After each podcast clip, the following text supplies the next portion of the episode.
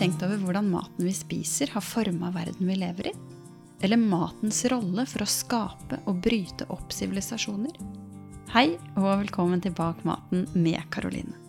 I denne podkasten er jeg, Karoline Aalum Solberg, på jakt etter fremtidens regenerative matsystem. Altså et gjenoppbyggende matsystem som legger til rette for alt liv, mennesker og dyr, samtidig som det bygger opp jorda vår.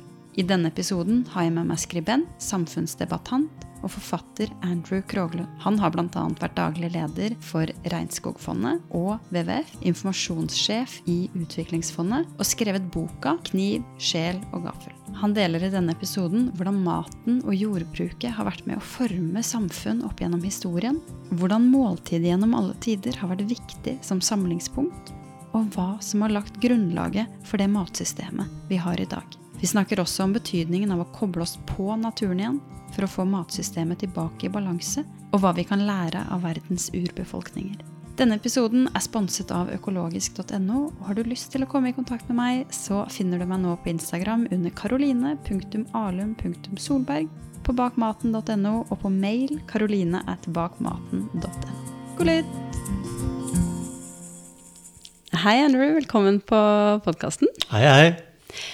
Jeg har lyst til å, å begynne litt med, med, denne boka di 'Kniv, sjel og, og gaffel'. Og i, i, den så har du skrevet bl.a. at gjennom mat så kan vi forstå oss selv og vår verden. Så jeg tenker det er veldig fint å begynne der. Hva, hva mener du egentlig med det? Tesen i den boka er rett og slett at det er mat og det vi spiser, det vi spiste, som rett og slett gjorde oss til mennesker. Og måten vi tilberedte maten på. Vi tilhører jo apeslekten, og eh, homoslekten er jo en sen eh, ankommer på kloden. Eh, og da vi var homo erectus for ca. 1,8 millioner år siden, eller da vi ble homo erectus, så var vi i den overgangsfasen mellom homo habilis, altså det hendige mennesket, og homo erectus. Det var da eh, det store skjedde, nemlig at vi begynte å varmeberede maten vår. Eh, inn, inntil da så hadde vi rett og slett bare spist råmat, og vi spiste også rått kjøtt, som vi fant eh, når dyr døde, og alt det her. Men på et eller annet nivå da så klarte vi på en måte å temme ilden, og vi skjønte at hvis vi koker maten vår og alt det her, steker maten vår, så er det mye lettere å tygge, og da bruker du mye, mye mindre tid på å tygge. Og da fordøyer du også mye fortere. Og da skjedde en stor sånn indre transformasjon med kortere tarmsystem, og hjernen på en måte ble fyra opp med mye protein. Og så fikk du en videre menneskelig utvikling, da. Mm. Så, så, det er det jeg mener med at maten definerer oss, på en måte, da. Mm. Du har også skrevet i, uh, i den boka Mennesket har alltid hungret etter mening. Vi faster for å oppnå åndelighet, sulter for å få kontroll. Kostholdsekspertene våre er våre nye guruer, og matindustrien forfører oss. Du sa jo litt nå om hvilken rolle liksom, maten har hatt eh, historisk, men hvilken rolle tenker du maten har i dag, i dagens samfunn? Jeg hadde nær sagt alt dreier seg jo på dypest sett om mat eh, og vår relasjon til den. Det er vel ingenting som, som, det står skrevet mer om i media enn dette med kosthold, helse, hva vi spiser, hvordan vi spiser det, hvordan vi er, ergo blir seende ut. Eh, og maten påvirker jo selvfølgelig kroppen vår. Det påvirker skal vi si, det mentale, det sjelelige. Eh, det er det jeg mener, og I den boka så analyserer jeg for så vidt alle aspekter ved mat. da. Og det sjelelige ikke sant? det har også å gjøre med problematikk rundt anoreksi og spiseforstyrrelser. Eh, det er et langt kapittel om det også. Det er veldig interessant. Ikke minst hvilken rolle, og negativ rolle, eh, kirka i sin tid eh, spilte da, i forhold til dette med kosthold. Kan du ikke forklare litt om akkurat det? Jo, det går på det at kvinner skulle på en måte være rene og veldig åndelige og skjøre. Eh, de skulle være Kristus sin brud, på en måte. Og i middelalderen så var det ekstremt mange eksempler på religiøse kvinner som eh, sannsynligvis led av en tung form for anoreksi ved at de gikk sånn opp i det åndelige at de knapt spiste noen ting. Så de sulta seg på en måte for å nå en annen åndelig dimensjon. Eh, og det er vel litt det som skjer, har jeg skjønt, med folk som lider av anoreksi. De har en slags form for total kontroll, som også merkelig nok gjør de lykkelige. Innimellom alt det ulykkelige. De føler at de har en kontroll, at de mestrer livet på en, på en annen måte enn før. Og, og, i det så ligger det på en måte denne åndelige dimensjonen. Mm. Mat er jo også utgangspunktet for veldig mange følelser og steile fronter i samfunnet i dag. Hvorfor tror du det er sånn?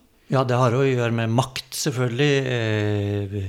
De som på en måte kan være med å definere hva som er viktig for oss å spise, hva som er riktig å spise, om det er av helsemessige årsaker eller miljømessige årsaker eh, eller andre ting, de, de, de, har stor grad av innflytelse på oss. Altså, ja, så de er interessert i å påvirke oss. Mm. Så vi er utsatt for mye mer subtil påvirkning enn vi tror når det gjelder mat. Og det er jo ikke for ingenting at uh, disse store uh, selskapene bruker milliarder på milliarder på markedsføring. Ofte så selger de jo for så vidt det samme produktet, men med en bitte lite ny innpakning. Bitte litt større, bitte litt mindre, noe mer farger, noe mindre farger. Eh, annen plassering i butikk. Alt dette spiller inn sånn psykologisk sett på hva vi kjøper og hva vi ikke kjøper. Så den konkurransen blant leverandører og produsenter er kjempestor. Mm. I den podkasten her så liker jeg å, å, å prøve å liksom komme ordentlig sånn eh, i, til roten av utfordringene vi står ovenfor. Og hva tenker du er, eh, er, årsaken til at vi har skapt oss et matsystem som lar seg styre i så stor grad av eh, kommersielle interesser og denne makten som du er inne på her? Ja, Det er et stort spørsmål. Altså, det ligger jo litt i kapitalismens eh, grunnvoller, det at uh, markedet er det vi forholder oss til. Vi tror at markedet er helt rettferdig og riktig. Og, men det er det jo selvfølgelig ikke. Det er jo de som har størst ressurser, som kan påvirke oss mest. Så det er en kamp hele tiden om oppmerksomhet, slik at vi blir på en måte slaver av det markedet. på en måte da. Mm. Jeg skulle til å spørre hva, hva tror du konsekvensene av eh, at vi lever i et sånt samfunn er? Men, men, du svarte kanskje på det, at man blir slags eh, slaver av, eh, av, de som ønsker oppmerksomheten vår? Ja, det er selvfølgelig. Og ikke minst jo yngre du er, jo mer påvirkelig er du. Og det brukes jo mer og mer penger selvfølgelig på eh, reklame mot ungdom. Mm. Og det gjelder også i, når det gjelder mat. Energi, energidrikke, energibarer. Eh, riktig mat i forhold til kropp. Eh, body mass index, alle disse greiene. Mm. I den podkasten her så er jeg jo på utkikk etter å prøve å finne ut hvordan eh, fremtidens regenerative matsystem ser ut. Altså et matsystem der eh, absolutt alle involverte går i pluss. Både menneskene, naturen, eh, dyra og sånn. Og for å på en måte finne ut hvordan vi kommer dit, så er det jo veldig fint å skissere litt hvordan eh, ting egentlig fungerer i dag, sånn som vi var litt eh, inne på nå. Har du lyst til å oppsummere litt sånn fra ditt perspektiv? Hva er liksom de store linjene i, i matsystemet i dag? Det kommer selvfølgelig an på hvor i verden du bor, da, men hvis du bor i Vesten, altså USA, Europa, så er jo det store bildet at det industrielle landbruket er ganske dominerende. Land som eh, England, USA, Nederland, eh, deler av Spania, eh, Tyskland der er det, og Danmark, ikke minst. Der er det liksom de store gårdene, de store brukene, de som ofte er dypt forgjelda, som har store maskinparker. De har grisefarmer som er tusenvis av dyr som står på bås hele tiden.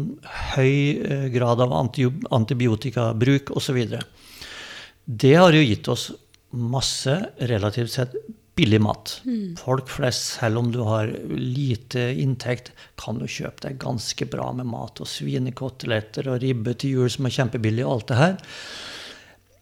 Men det har også da ført til eh, skal vi si, masse problemer miljømessig. selvfølgelig. En voldsom avrenning av eh, fosfor og nitrater osv. fra landbruket. Eh, forurensning av grunnvannet, sånn som i Danmark. Mye av eh, grunnvannet der er jo helt ødelagt. Eh, og så fører det selvfølgelig til dårlig dyrehelse. De fleste av oss vil jo helst ikke ha likt å ha sett hvordan det ser ut på en bondegård. Hvor det bor griser og høner og alt det her som, som ikke har noe godt liv. Mm. Så det er én side, av, eh, en side av, av, det bildet. Men så finnes det selvfølgelig også Det er produksjonssiden, på en måte? Ja, produksjonssiden. Men så finnes det selvfølgelig også en del små familiebruk fortsatt. I Østerrike, i Frankrike, i Øst-Europa. Uh, og her i Skandinavia, ikke minst i Norge. For vi er et grisgrendt land med lite jord, og det finnes mye fjellgårder og alt det her, som drives på en ganske annen måte enn det store industrielle landbruket. Så det står jo en slags kamp da mellom det store industrielle og det litt mindre familiedrevne. Og I tillegg så har du en tredje sektor som har kommet inn, og det er det økologiske. Mm. Det kan være både stordrift og smådrift. Så, men det er drevet etter noe andre parametere. Og så er det de som er enda strengere selvfølgelig enn de økologiske, de som er bio, biodynamiske osv. Så, videre, og så, så det, det finnes forskjellige varianter. Og heldigvis, vil jeg jo si da, i EU, som jo er et stort system, er det allikevel rom for alternative tanker. Så der foregår det masse spennende nytenkning rundt på en måte hvordan vi skal produsere maten vår. Mm. Det var jo litt sånn eh, Det var jo på en måte produksjonssiden av det. Vil du dra også de store linjene eh, på en måte mellom gården og tallerken? Ja, altså der har du jo selvfølgelig, sånn som det ofte er, at det er eh, ofte en del av intelligensiaen, de med høy utdannelse, kanskje de med eh, god inntekt, som da tenderer mot å kjøpe mer økologisk, pluss en del ungdom masse ungdom i dag er jo bevisst miljømessig på en helt annen måte enn før, og vil gjerne være veganere eller iallfall gjerne kjøpe økologisk, selv om det er dyrere. Eh, sånn at du har to ulike kjøpssegment. Eh, masse, masseborgeren, hadde nær sagt, som kjøper billig, og som næres av journalistikken i VG og Dagbladet. Kjøp billig, tre for to, alt det her. Og så har du de litt mer bevisste. Dessverre i Norge, pussig nok, et godt samfunn som vi er, eh, så taper jo nå faktisk det økologiske markedsandeler. Og Stortinget har jo gått bort fra en, en uh, idé om at vi skulle ha 15 økologisk. Og nå er vi nede på en 7-8, tror jeg. Så vi går litt mot strømmen, faktisk. I forhold til mange av land i Europa. Mm. Også våre nordiske frender. Så kan du si at motargumentet, eller at bildet er ikke entydig mørkt, fordi landbruket i Sverige, og iallfall i Danmark, Eh, er jo mye mer giftorientert i den forstand de bruker enda mer eh, kjemiske innsatsvarer og pesticider og alt det her, og mye storgårder ikke sant, med avrenning og sånt. Mens i Norge så er familiedrevet landbruk tross alt viktig, og vi bruker jo langt, langt mindre antibiotika. Mye strengere her i, både i Norge og i Sverige enn der i Danmark. Så, så der er Norge faktisk i fronten i Europa. Andre land ser til oss og vårt landbruk når det gjelder at vi har en, en, en, restriktiv bruk av antibiotika i landbruket. Mm. Vi bruker det ikke profylaktisk, som det heter. Altså vi, vi, gir ikke den lille grisen dette i fôret. Det gjør de jo i Spania og Tyskland. Og helt forferdelig. Hva tror du er årsaken til eh, at vi ikke har nådd det målet vi, vi, har satt oss? Eller det er jo på en måte rent politisk, men du snakka jo også om at eh, økologisk på en måte ikke har det fotfeste i Norge som, eh, ja, ikke sant? som i nabolandene våre? Ja, nei, jeg tror det er mangefasettert. Jeg tror en av eh, grunnene til det er at som jeg sier, Norge har tross alt en god del såkalte familiebruk, altså mindre bruk, en del småbruk slik at det norske landbruket i utgangspunktet ikke er så eh, problematisk i forhold til dette med gift og kjemikalier og, og, og dette med dyrevelferd og sånt. Det, det, finnes en god del problemer, selvfølgelig, og utfordringer. Men vi tenker at det er økologisk nok fra før? på en måte? Ikke sånn, Jeg tror at de folk flest tenker at norsk landbruk er underkasta en del eh, forordninger og regler. Og Mattilsyn og andre norske instanser er gode det er vel det som er. Så har vi selvfølgelig blitt negativt overraska de siste fire-fem åra med mange rapporter som viser at grisene ikke har det godt, kuene har det ikke godt, og at det er en del reststoffer i den maten vi får, faktisk pga. gift og sånt. da. Mm. Men, så, men, det ligger jo under det som er definert som en skadegrense, da, tross alt. Mm. Men vi har et, hvis jeg kan bare skyte inn det, vi har et annet, mye større problem i Norge eh, som andre land ikke har, nemlig at Norge er jo en av verdens aller, aller største oppdrettere av laks. Og det er jo så langt unna det økologiske du kan komme. Eh, og det er en helt fersk bok på markedet nå som heter 'Den eh, nye fisken'. Simen Sætre og, og, en annen kar som har skrevet. Den er dypt sjokkerende. Jeg har anmeldt den nå nettopp i Vårt Land. Virkelig en bok man bør lese, altså. Og du mister nesten all lyst på å spise oppdrettslaks etterpå. Skisser litt de store linjene for de som går i butikken og tenker at de kjøper sunn mat og ikke noe mer, Problemet, tenker noe mer enn ja, det. Problemet er at dette er eh, skal vi si, industrilandbruk på stor skala. ikke sant? Du har, Eller havbruk. eller havbruk, selvfølgelig. Ja. Du har eh, da ala frem en type fisk som vokser mye fortere enn den ville ha gjort i det fri. Den har et hjerte som må pumpe, og som nærmest når en kapasitet som, hvor den ikke klarer å pumpe noe mer. Eh, Du har masse lus og elendighet i disse merdene. eh, Og så har du kjørt inn masse leppefisk og sånt, og de dør, og alt det avfallet kommer ut i havet. eh, Og fisken er rett og slett ikke helt frisk. Eh, og så sprer den seg da ut i det ville og parer seg med villaks. Og det har også mange andre økologiske problematiske sider. Og så er det det fôret den spiser, da, selvfølgelig. En del av dette er importert soya. Selv om man har jobba hardt med fôrproblematikken, så er det ikke løst. Så du får en kilo laks, oppdrettslaks, som da på en måte er fôra opp på kanskje en kilo villfisk. Og så, videre, og så, videre. så dette, i, det store kretsløpet så er dette dypt problematisk. da.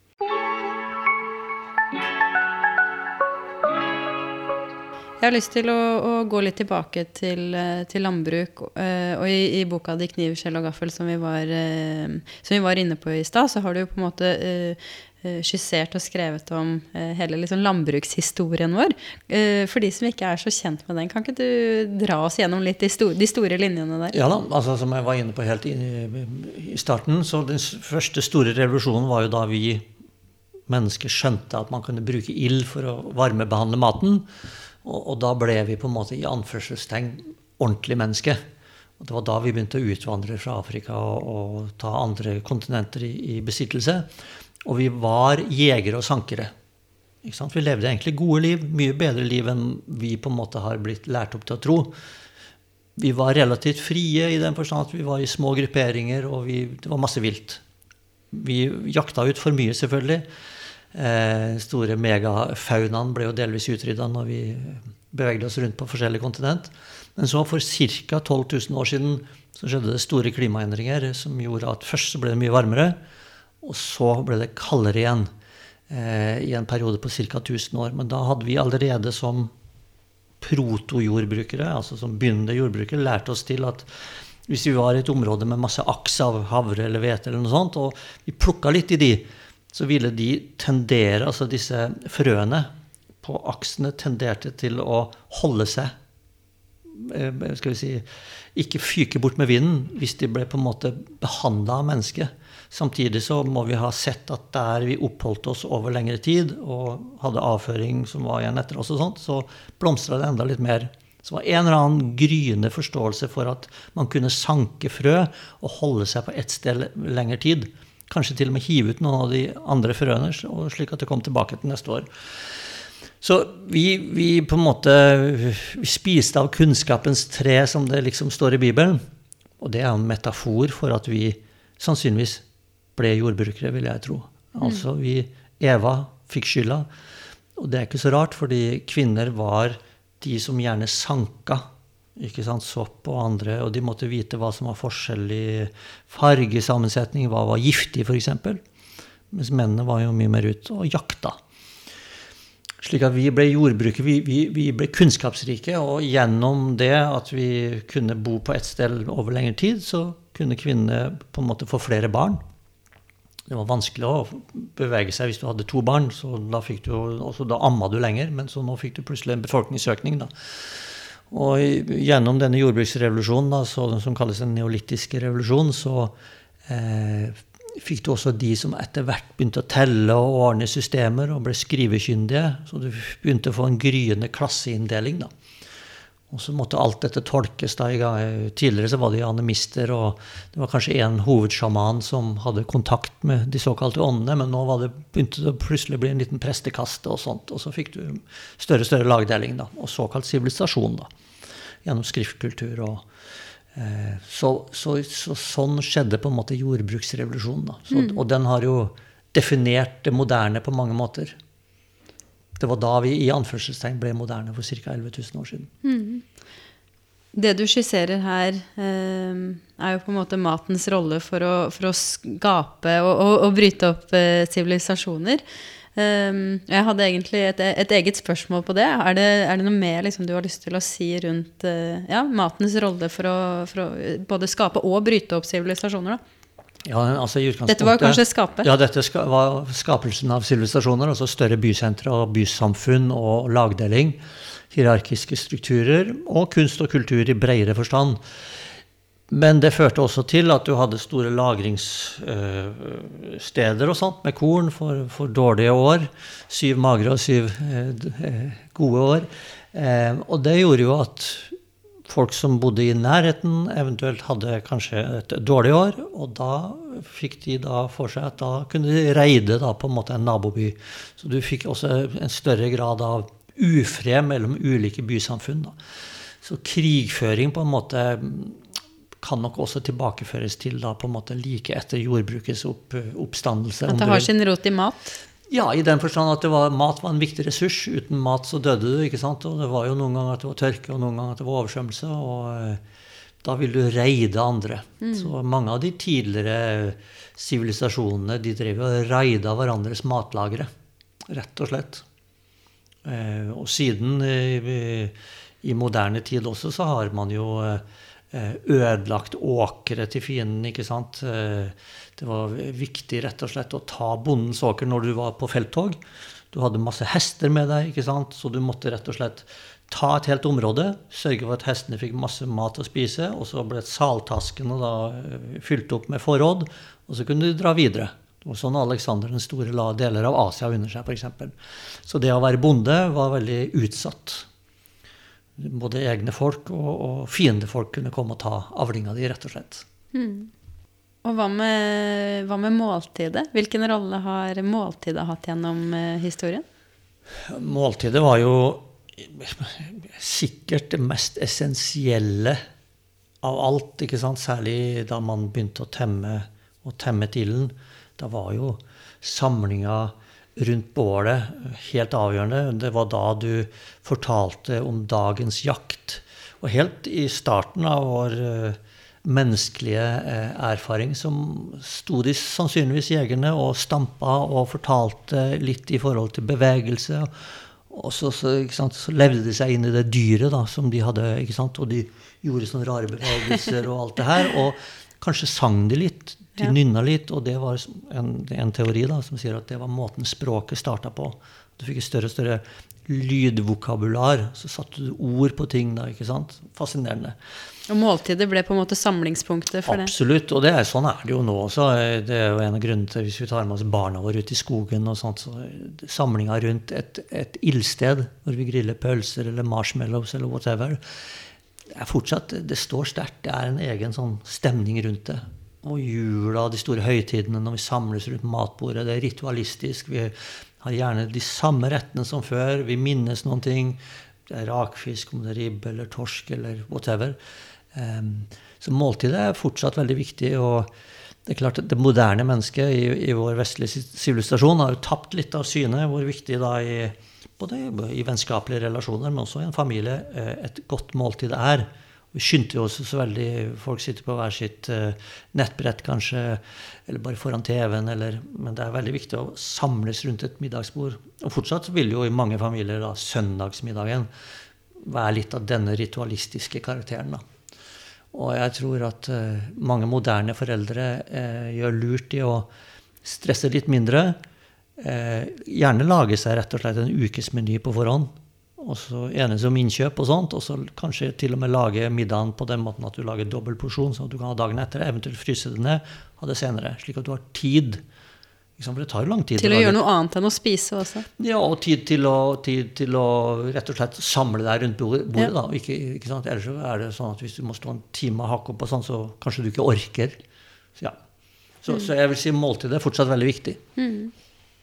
Men jeg vet samtidig, som du var inne på her, at uh, at mange også savner det i, i, den moderne verden som vi, vi lever i i dag. Ja. Fordi vi har så dårlig tid, som du Ikke sier. Sant? Og mm. Eh, sannheten er jo at mange av oss har jo i altfor mange år selvfølgelig kjøpt en del ferdigmat. Noen ganger så er det helt nødvendig, og noen ganger er det til og med godt. Men mange ganger er det ikke godt. Og det er ikke noe sånn satisfaction i det heller, kontra det å lage noe fra bunnen. Jeg forsøker selv å lage ting fra bunnen, og det er jo ha på radioen og kose deg samtidig, så er det veldig hyggelig, altså.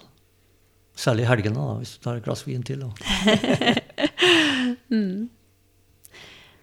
Jeg har lyst til å, å, å spole fram til litt mer eh, litt moderne tid. Og veldig mange tenker jo på den grønne revolusjonen som en slags eh, eskaleringspunkt, kanskje, i, i forhold til eh, eh, hvordan vi drev landbruk. Da. Kanskje du kan begynne med å si litt eh, hva den grønne revolusjonen egentlig er? Ja, på slutten av 60-tallet og begynnelsen av 70-tallet så var jo forskere ekstremt redde for at vi måtte komme til å gå inn i en enorm sultkatastrofe i verden. Fordi befolkninga bare økte på, det ble flere og flere, og gjerne i fattige land og sånt. Mens de, kornslagene man var avhengig av, da, de på en måte ga akkurat den samme avkastninga eh, eh, som før. Og da ville det bli flere munner å mette og for lite mat. Så forskere gikk jo sammen da, for å utvikle nye si, hybridiserte former. Altså nye sorter? Nye sorter, altså i godt avlsarbeid. da. Vi har alltid, etter at vi ble jordbrukere, har vi avla frem både dyr og alle disse hunderasene og diverse ting innafor for, for hveteslag og kornslag og sånt. Eh, og da klarte de rett og slett å avle frem eh, kornsorter som gjerne var kortere de lange sortene de ville gi etter for vær og vind. Brekke lettere. Brekke og, og, legge seg ned og alt det her. Men de klarte å få kortere eh, eh stengler, om du vil. Og med større klaser med, med rett og slett mat. da, Frø som kunne brukes. Eh, og som, som, ikke på en måte forsvant. Slik at du fikk en økt, en kraftig økning i produksjonen menneskelig eh, kompetanse på høyt nivå som, som, brakte frem dette. Og det gjorde jo selvfølgelig da at eh, store land som altså befolkningsrike land som Mexico, India, Kina og en del andre land eh, kunne da spytte ut disse nye hybridiserte sortene i bondens åker, og fikk jo en voldsom matøkning eh, på matkorn. da. Eh, skoler ble brukt som lagringsplasser, og det var et eventyr. Og de som sto i spissen for dette, fikk jo også bl.a. Nobels fredspris. Nå husker jeg ikke navnet hans i farta, men en norsk-amerikaner iallfall. Eh, baksida av medaljen, eh, for det er ofte en bakside, mm. var at disse nye kornslaga krevde iallfall like mye vann som før, om ikke mer. Men det krevde også litt økt innslag av kunstgjødsel planteverns eh, altså plantegift og sånt for å holde insekter unna alt det her. Så du fikk en økt omdreining i, i bondens utgifter. Da. Så du fikk mange forgjelda bønder. Du vant opp bonden mer, på en måte? Det gjorde det. Og innsatsvarene ble dyrere, og da fikk du mange forgjelda bønder. Og mange småbønder på en måte gikk ut av produksjon og ble heller et filleproletariat i store byer. Er, altså de emigrerte til byene? Ja, ikke mm. sant? Sånn som de gjør i Kina i dag. De emigrerer jo millioner på millioner hvert år inn til byene og får seg jobber som de er fornøyd med. I den forstand at familien får bedre inntekt. Eh, men da blir det færre bønder på bygda og kanskje større bruk. Så, så, dette er på en måte i essens det moderne, kan du si. da. Eh, og det var den Skal vi si det, det, det, Dette spenningsfeltet da, mellom stort, moderne og grøderikt kontra mer det miljømessige, småbonden og et roligere liv, som på en måte er noe av kamplinjene i dag. Da. Mm. Vi begynte jo, eller vi snakka jo innledningsvis om disse store kommersielle eh, kreftene i matsystemet. Har du lyst til å sy det litt sammen med å på en måte ta det fra Eh, den grønne revolusjonen på, på 60-tallet og dit vi har kommet eh, i dag? Ja, du, ikke sant. Alle disse frøprodusentene, altså de som lager disse hybridiserte frøene og sånt. Antallet av disse har blitt færre og færre og færre. Og de har på en måte gått sammen, amalgamert, altså fusjonert, også med en del selskap som produserer da øh, gjødsel, og ikke minst plantevernmidler. Mm. Slik at de på en måte eier bukta og begge endene. Eh, altså det er mindre konkurranse større, store selskap som selger hele pakker. Noen av disse frøene er også på en måte lever kun i en sesong, slik at bonden er tvunget da, til å kjøpe nye neste år. For historisk så tar jo bonden gjerne vare på frøene sine Absolutt. og foredler selv. Absolutt, og her har det vært mye sånn rettssaker og alt det her. da, ikke sant? Er det lov til å lage den type frø som ikke regenereres året etter, osv. Det er klart at dette er en av kapitalismens store skyggesider. da. Ja. Eh, ja, så har du ikke sant, du har uh, altså Det er markedsmakt som bestemmer, da, og de er jo interessert i, i profitt, selvfølgelig. Og så har du hatt mange rettssaker mot en del av disse store, fordi en del bønder har hevdet at uh, familien deres har blitt råka av kreft, andre sykdommer og masse forgiftninger. Da. Ikke minst selvfølgelig i fattige land, som på Sri Lanka. sånn så er jo forgiftning ved at du går med en sånn stor uh, greie på ryggen og sprayer direkte på åkeren din. For da gjør du jo mye mer manuelt arbeid. Mye mer, og så har du dårlig med beskyttelsesmasker og alt der, og får med seg mye dritt. da. Uh, så dette er en pågående kamp. Absolutt. Så markedsmakt er stor, og nå i dag så har du fått en ekstra dimensjon ved at du får såkalt genmodifisering. At du kan gå direkte inn og endre et frøs egenskaper. Så den, den mer avansert form for Det blir på en måte high speed foredling? Ja. Og så har du kommet inn med en ny variant også som heter CRISPR. Som en enda mer finstilt mekanisme, da.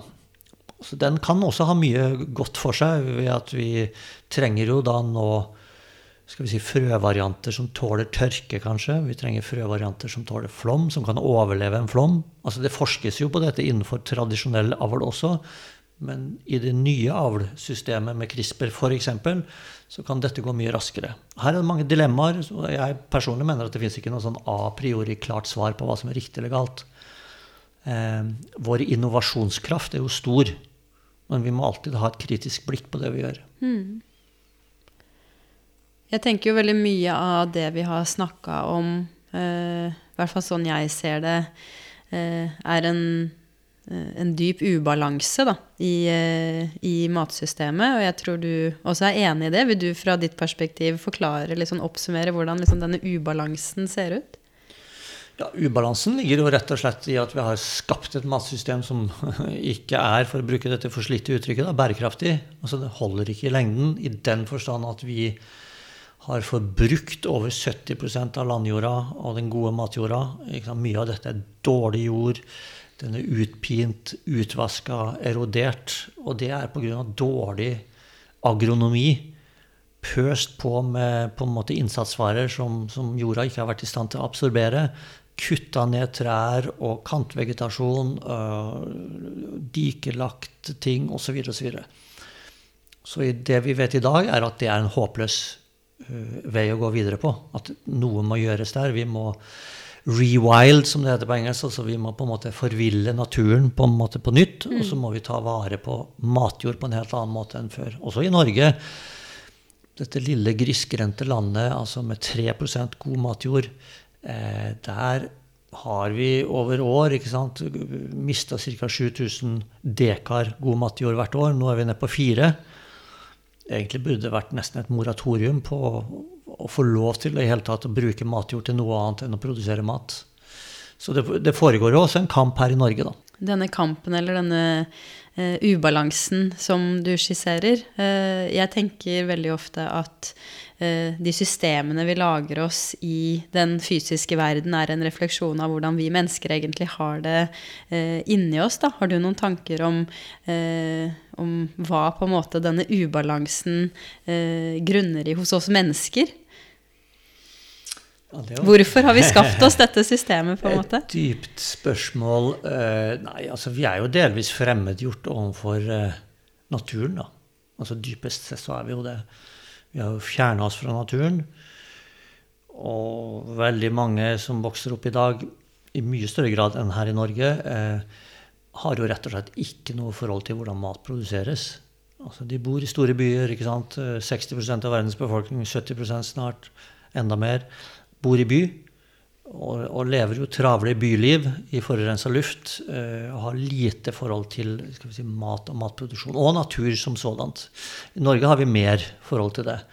Det er jo fortsatt en, en nasjon av folk som elsker å fiske litt, være på hytta, mange jegere.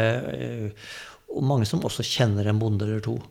Eh, barnehager er jo litt oftere nå enn de siste ti åra på besøk hos en bonde og alt det her.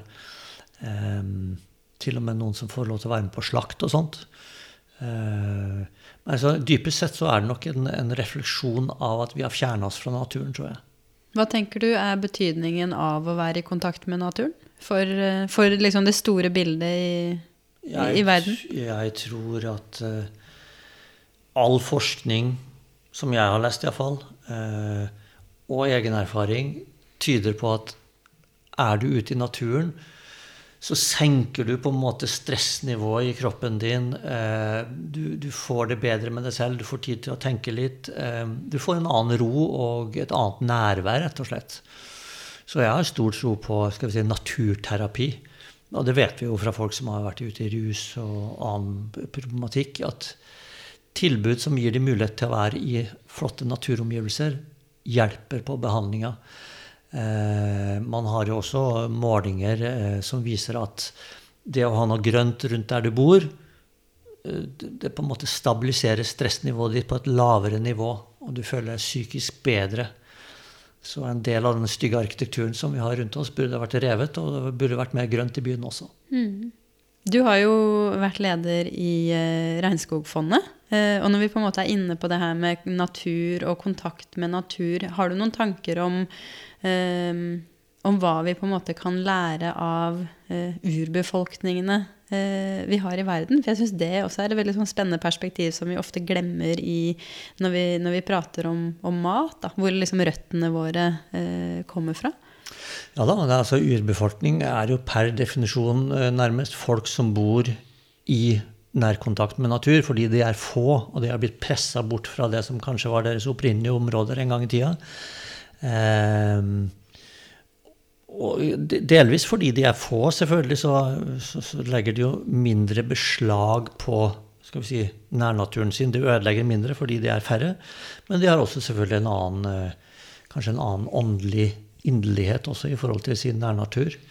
Eh, det er klart at Rent historisk så var jo vi mennesker alle eh, urfolk den gangen vi vandra ut fra Afrika og sånt. Og det var jo det var jo da vi på en måte gjorde kål på det som kalles for megafaunaen. Altså vi, vi jakta så mye. Altså de store dyrene de store dyrene. Vi skjønte jo ikke helt konsekvensen av det vi gjorde, og det er jo litt av menneskets eh, skal vi si, historie, det også. Vi har en tendens til å ikke skjønne konsekvensen av det vi gjør, før det er for sent.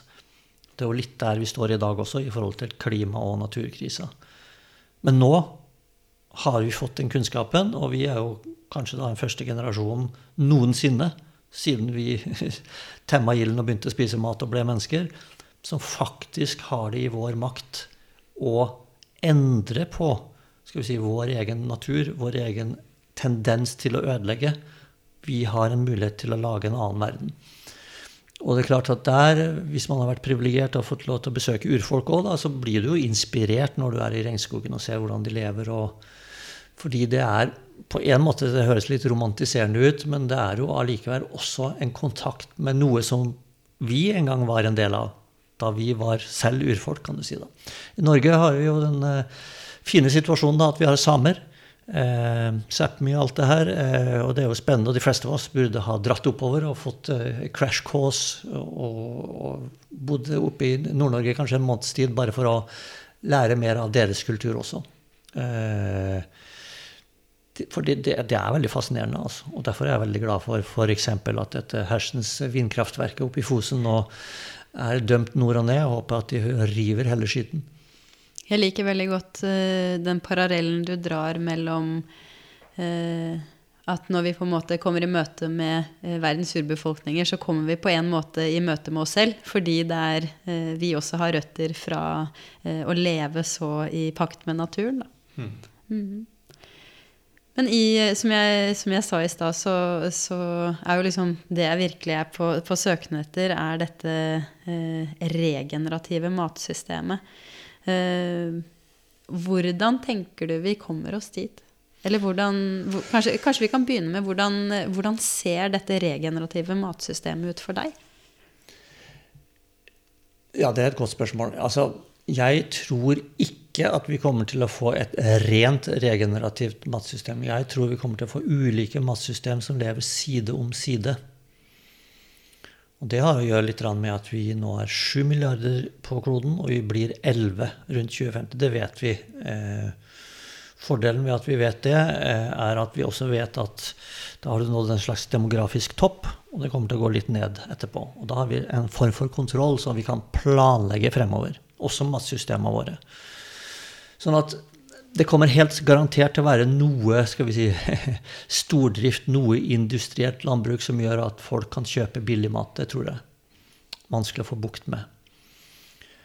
Men så tror jeg samtidig du vil få eh, det regenerative med såkalte familiebruk, mindre bruk, som lever side om side med dette, og som vil få en veldig renessanse også i andre land. Fordi jeg tror du vil få folk som ønsker å leve mer i pakt med naturen.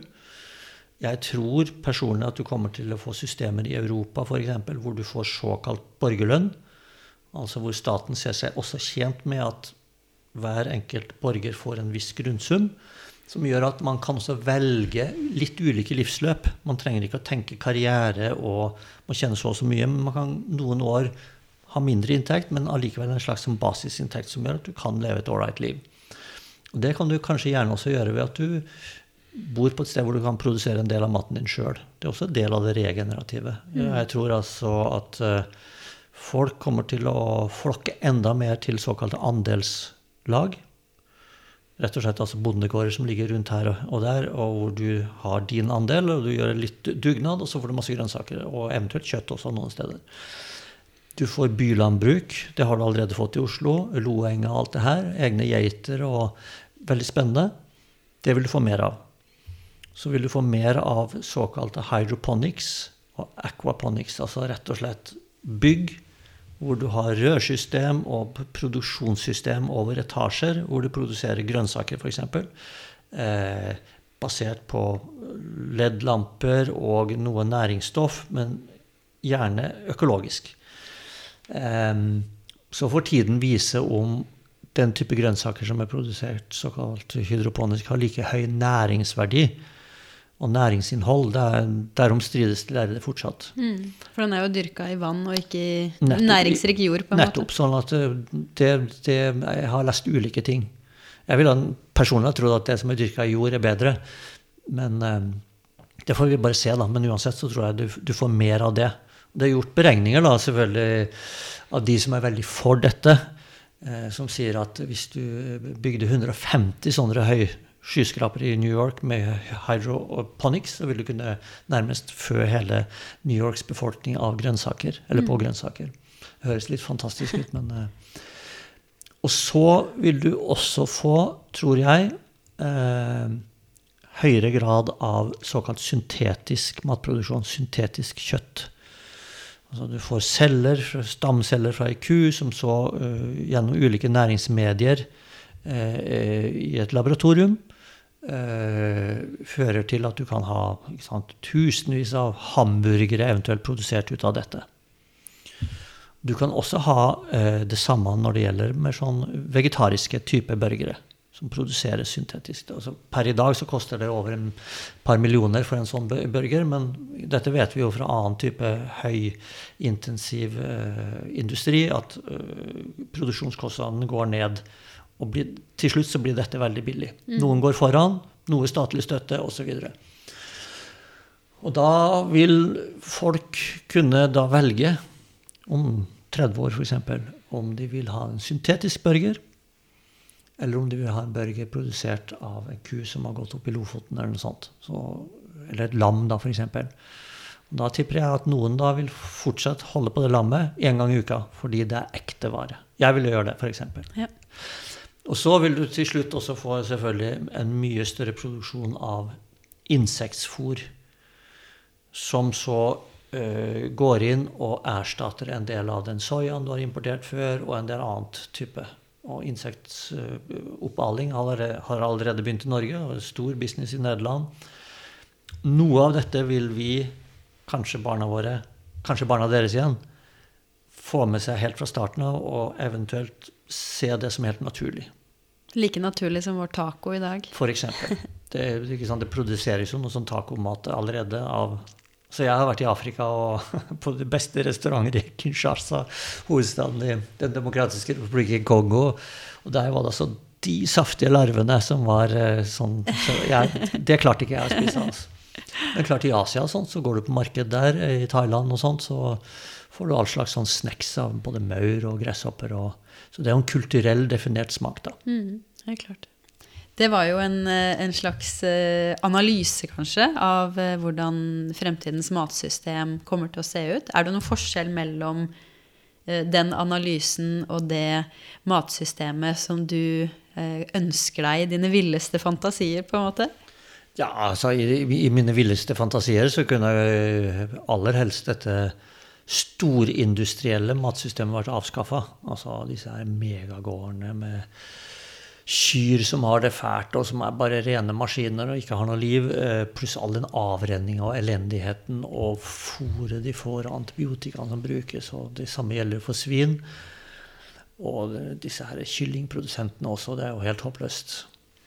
Det er, det er ofte arter som baserer seg på veldig lite nye gener. Eh, og de, de, de, kan jo knapt gå.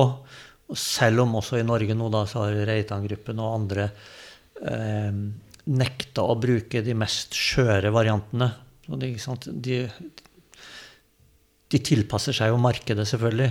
Men det er fortsatt eh, AVG-en og mye sånn skit, rett og slett. Eh, så Eh, vi forsøker iallfall å kjøpe stangekylling og en eller annen type enn vi kjøper. da. Eh, men så, ja, i en idealistisk og en ideell verden så hadde jeg ønska meg det systemet bort. Men jeg tror ikke det er realistisk. Og av mange, mange årsaker, ikke minst fordi vi er så mange.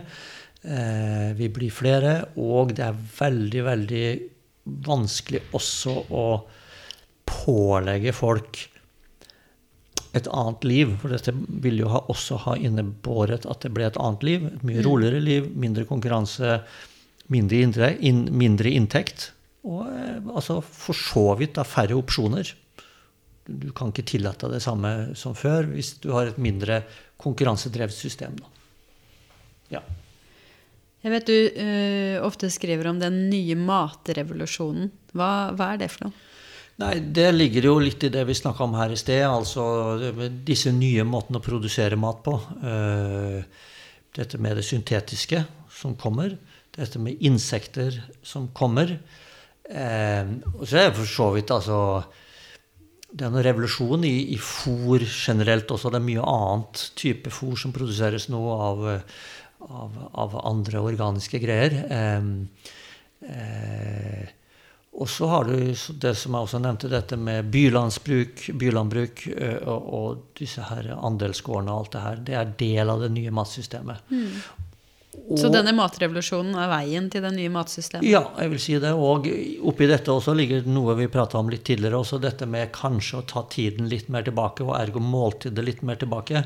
Iallfall være bevisst på at familien samles iallfall på, på søndagen. Helst gjerne på lørdagen òg men at måltidet blir litt sånn, et litt viktigere samlingspunkt for familien. Også med noe god mat som gjerne er produsert fra bunnen av. da. Mm. Som også gir barna på en måte et annet forhold til mat. Uh, sånn at de ser på en måte ingredienser på en annen måte og vet hva de er verdt, og at det tar tid, og at det ligger kjærlighet og omtanke bak et godt måltid. da. Det tror jeg det stresser de. Pluss så finnes det selvfølgelig en god del uh, vitenskap og undersøkelser på hva ulik type mat gjør med oss. Altså dette med unger og ADHD og masse diagnoser. Det finnes iallfall en del eh, dansk eh, vitenskap og undersøkelser rundt dette med mindre stress. Eh, lavere kortisol og en del andre nivåer i kroppen når du spiser mer økologisk. da. Mm. Klart at Mye av denne ferdigmaten kommer jo med mye pussige tilsetningsstoffer. Eh, mye sukker, mye salt.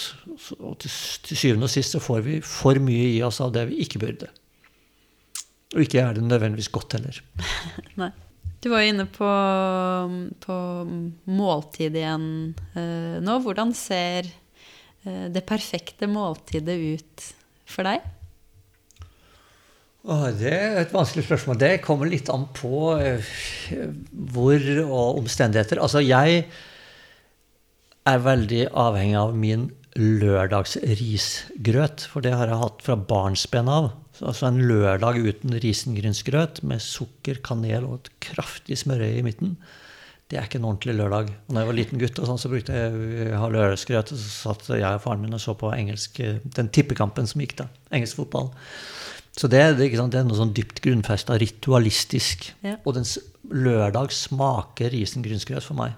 Da får jeg smaken av grøten på, på tunga, nærmest.